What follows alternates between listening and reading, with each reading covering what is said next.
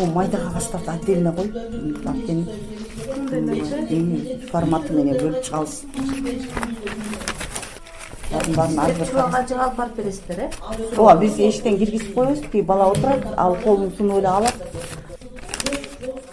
бишкектеги аялдар маданий борборунун уюштуруучусу айша орозбекова дарска катышууну каалаган кыз келиндердин саны күн санап өсүп баратканын белгилөөдө. Арасында атайын ат арытып ош жалал абадтан ысык көлдөн чүйдөн келгендер студенттер апалар бар.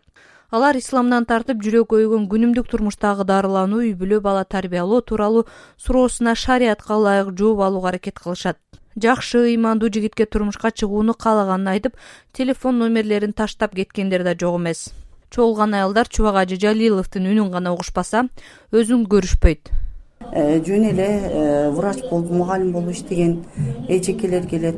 Э, ошол шарият боюнча суроолоруна жооп алуу үчүн келишет. Көбүнчөсү фикый маселелер менен көп келишет. Намазды окуп үйрөнөйүн дешип ошол биздин мазхабта ханафи мазхабында кандай башкалардыкы кандай айырмасын билүү үчүн акыйда боюнча намаз даарат жаңы үйрөнүп аткандар. Көбүнчө жаш кыздар ушул иштери боюнча да суроо беришет да. Мисалы мен жолукчанмын э, баланча жерге ишке орношоюн десем жоолугуңуз үчүн жоолугум үчүн жумушка албай атат деп келишет. Үй бүлөлүүлөр болсо ушул үй бүлөлүк маселе чыгып калган болсо ошол күйөөсү менен аялы келип ушул маселелерин чубак устазга өзүнчө эшиктен кирип чечишет баласынын үй бүлөсү боюнча кызынын турмушу боюнча да келишет.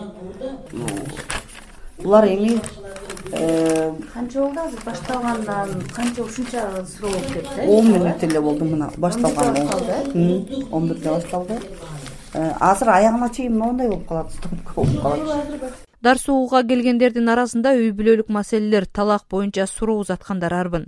Бул маселени шариятка ылайык чечиш үчүн жубайлар чогуу келиши керек болот. Аталган борбордун кызматкерлери кыз келиндердин суроолорун жыйнап алып анын маани маңызына карап иргеп эшиктен чубак ажы жалиловго берип жиберет. Окуп чыгып жарай тургандарын алып барасызбы жок көбүнчөсү бүт эле жарай тургандар болот. Анан мындай аялдарга тиешелүү маселелерде уяттуу нерселерди сурап калышат кээде жок ошондойдо бизге аялдарга кайрылгыла деп ошолорду алып коебуз да. А так калганын баардыгын эметебиз мисалы кандай суроо ошол аялдарга мисалы хайз маселеси болот хайз маселеси деген эркектер маселеси жана э, төрөттөн кийинки маселе. Ошол жекече аялдарга тиешелүү маселелер ошого карабай жеке аялдарга гана тиешелүү маселелер да чубак ажынын колуна мынтип тийип калган учурлар аз эмес. Менин бир балам бар үч жашка чыгайын деп калды. Боюмда болбой жатат. Кесарево менен кесарево сечение болуп төрөгөндөн төрөгөм коркуп жатам. Көп бала төрөгүм келет. Күйөөм да аябай көп балалуу болгум келет деп жүрөгүмдү эзип жатат. Дуба кылып коюңуздар дейт дуба кылабыз. Балдарың көп болуп неберең көп болуп санын билбей кал хайыз адатка карайт. Үч жолу бирдей күн хайыз көрсө ал анын адаты болуп калат. Мисалы беш күн. Эгер төрт айда алты күн келип кала турган болсо төртүнчү айда анда мен эжекелерден сурап көрөм. Эгерде эжекелер ушуну эптей албай турган болсо анда мен ушул сабактардын биринде түшүндүрүп айтып берем. Бул боюнча кызыгы кыз келиндер шарияттан тышкары жеке өздөрү чечүүчү же молдокелер билбей турган медициналык суроолорду да узатышканы. Мен студентмин дейт жакында бир магазинге ишке киргенмин анда арак сатылат экен. Өзүм беш убакыт намаз окуйм эмне кылышым керек? Кеңеш бериңизчи дейт. Ушундай кеңештер көп болот да.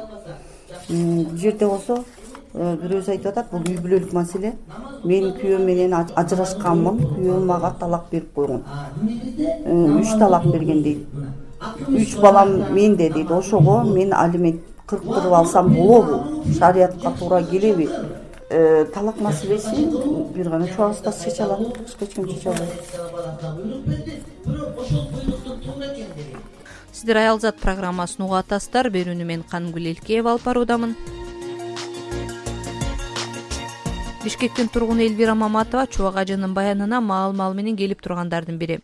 Ал бул жолу суроо берген жок бирок башка маанилүү маалыматтарды алдым дейт. Аял кишинин көптөгөн проблемалары бар да бизге пардадан сабак өтөт ал пардадан көрүнбөй сабак өтөт анан ар кандай э, аты жазылбай суроолор беришет ар аялдардын өзүнүн көйгөйлөрүн анан ошого шарият боюнча устазыбыз жооп берет.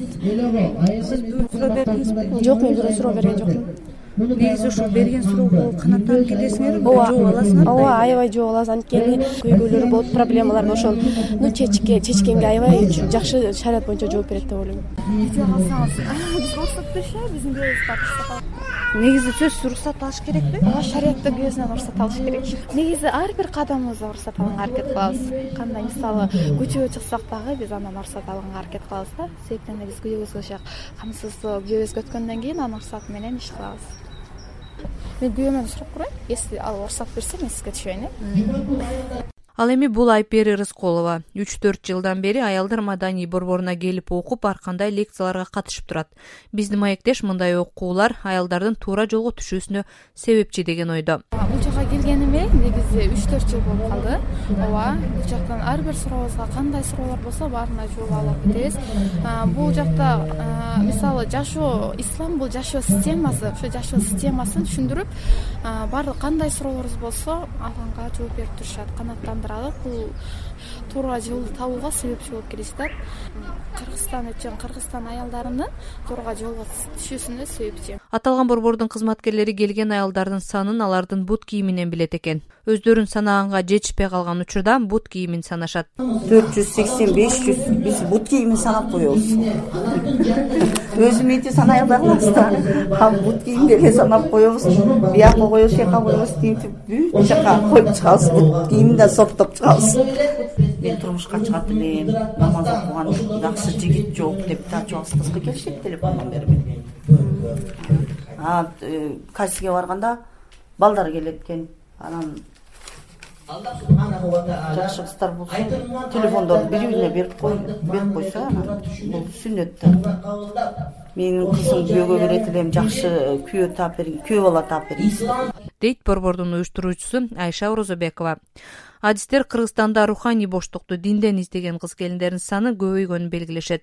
Азыр аялдар арасында бала чакасына телевизор көрсөтпөй эмдетпей гезит окутпай агартуучулук иштерден караманча алыстатып ашынган диний идеялардын жана жашоо образына өткөндөр бар. Буга чейин аялдарга исламга берилип жоолук салынып жүргөн илими бар атынчалар гана сабак өтүп келсе азыр алардын катарын эркек аалымдар толуктоодо. Муну диний эксперт назира курбанова мындайча түшүндүрөт биз каалайбызбы же каалабайбызбы?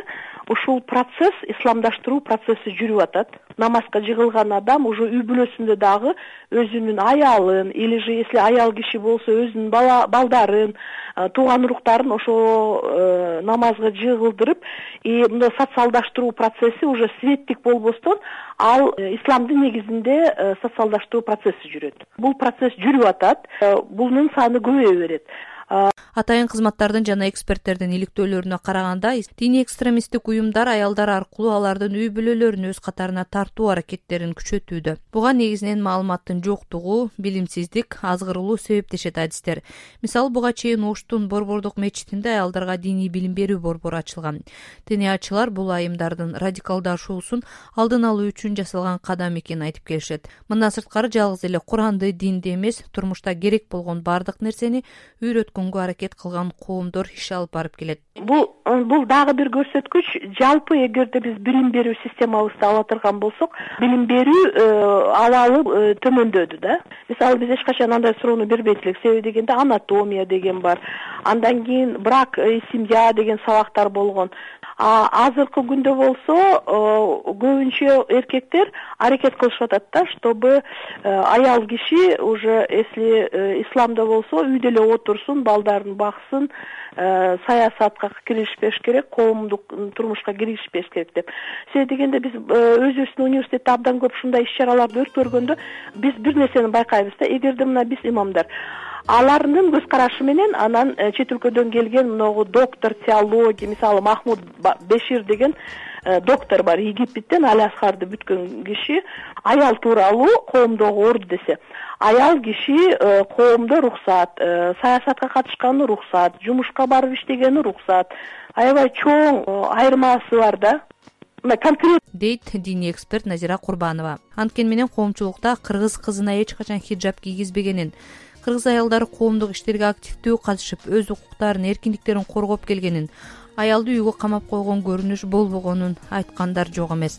Кыргыз аялы дайыма үйдүн куту болуп бала тарбиялоого туугандар менен алака катышты жакшыртууга коомдук иштерге өзүн караганга дагы жетишип келген. Сиздер аялзат программасын уктуңуздар. Берүүнү даярдап алып барган ханымгүл элкеева. Саламатта калыңыздар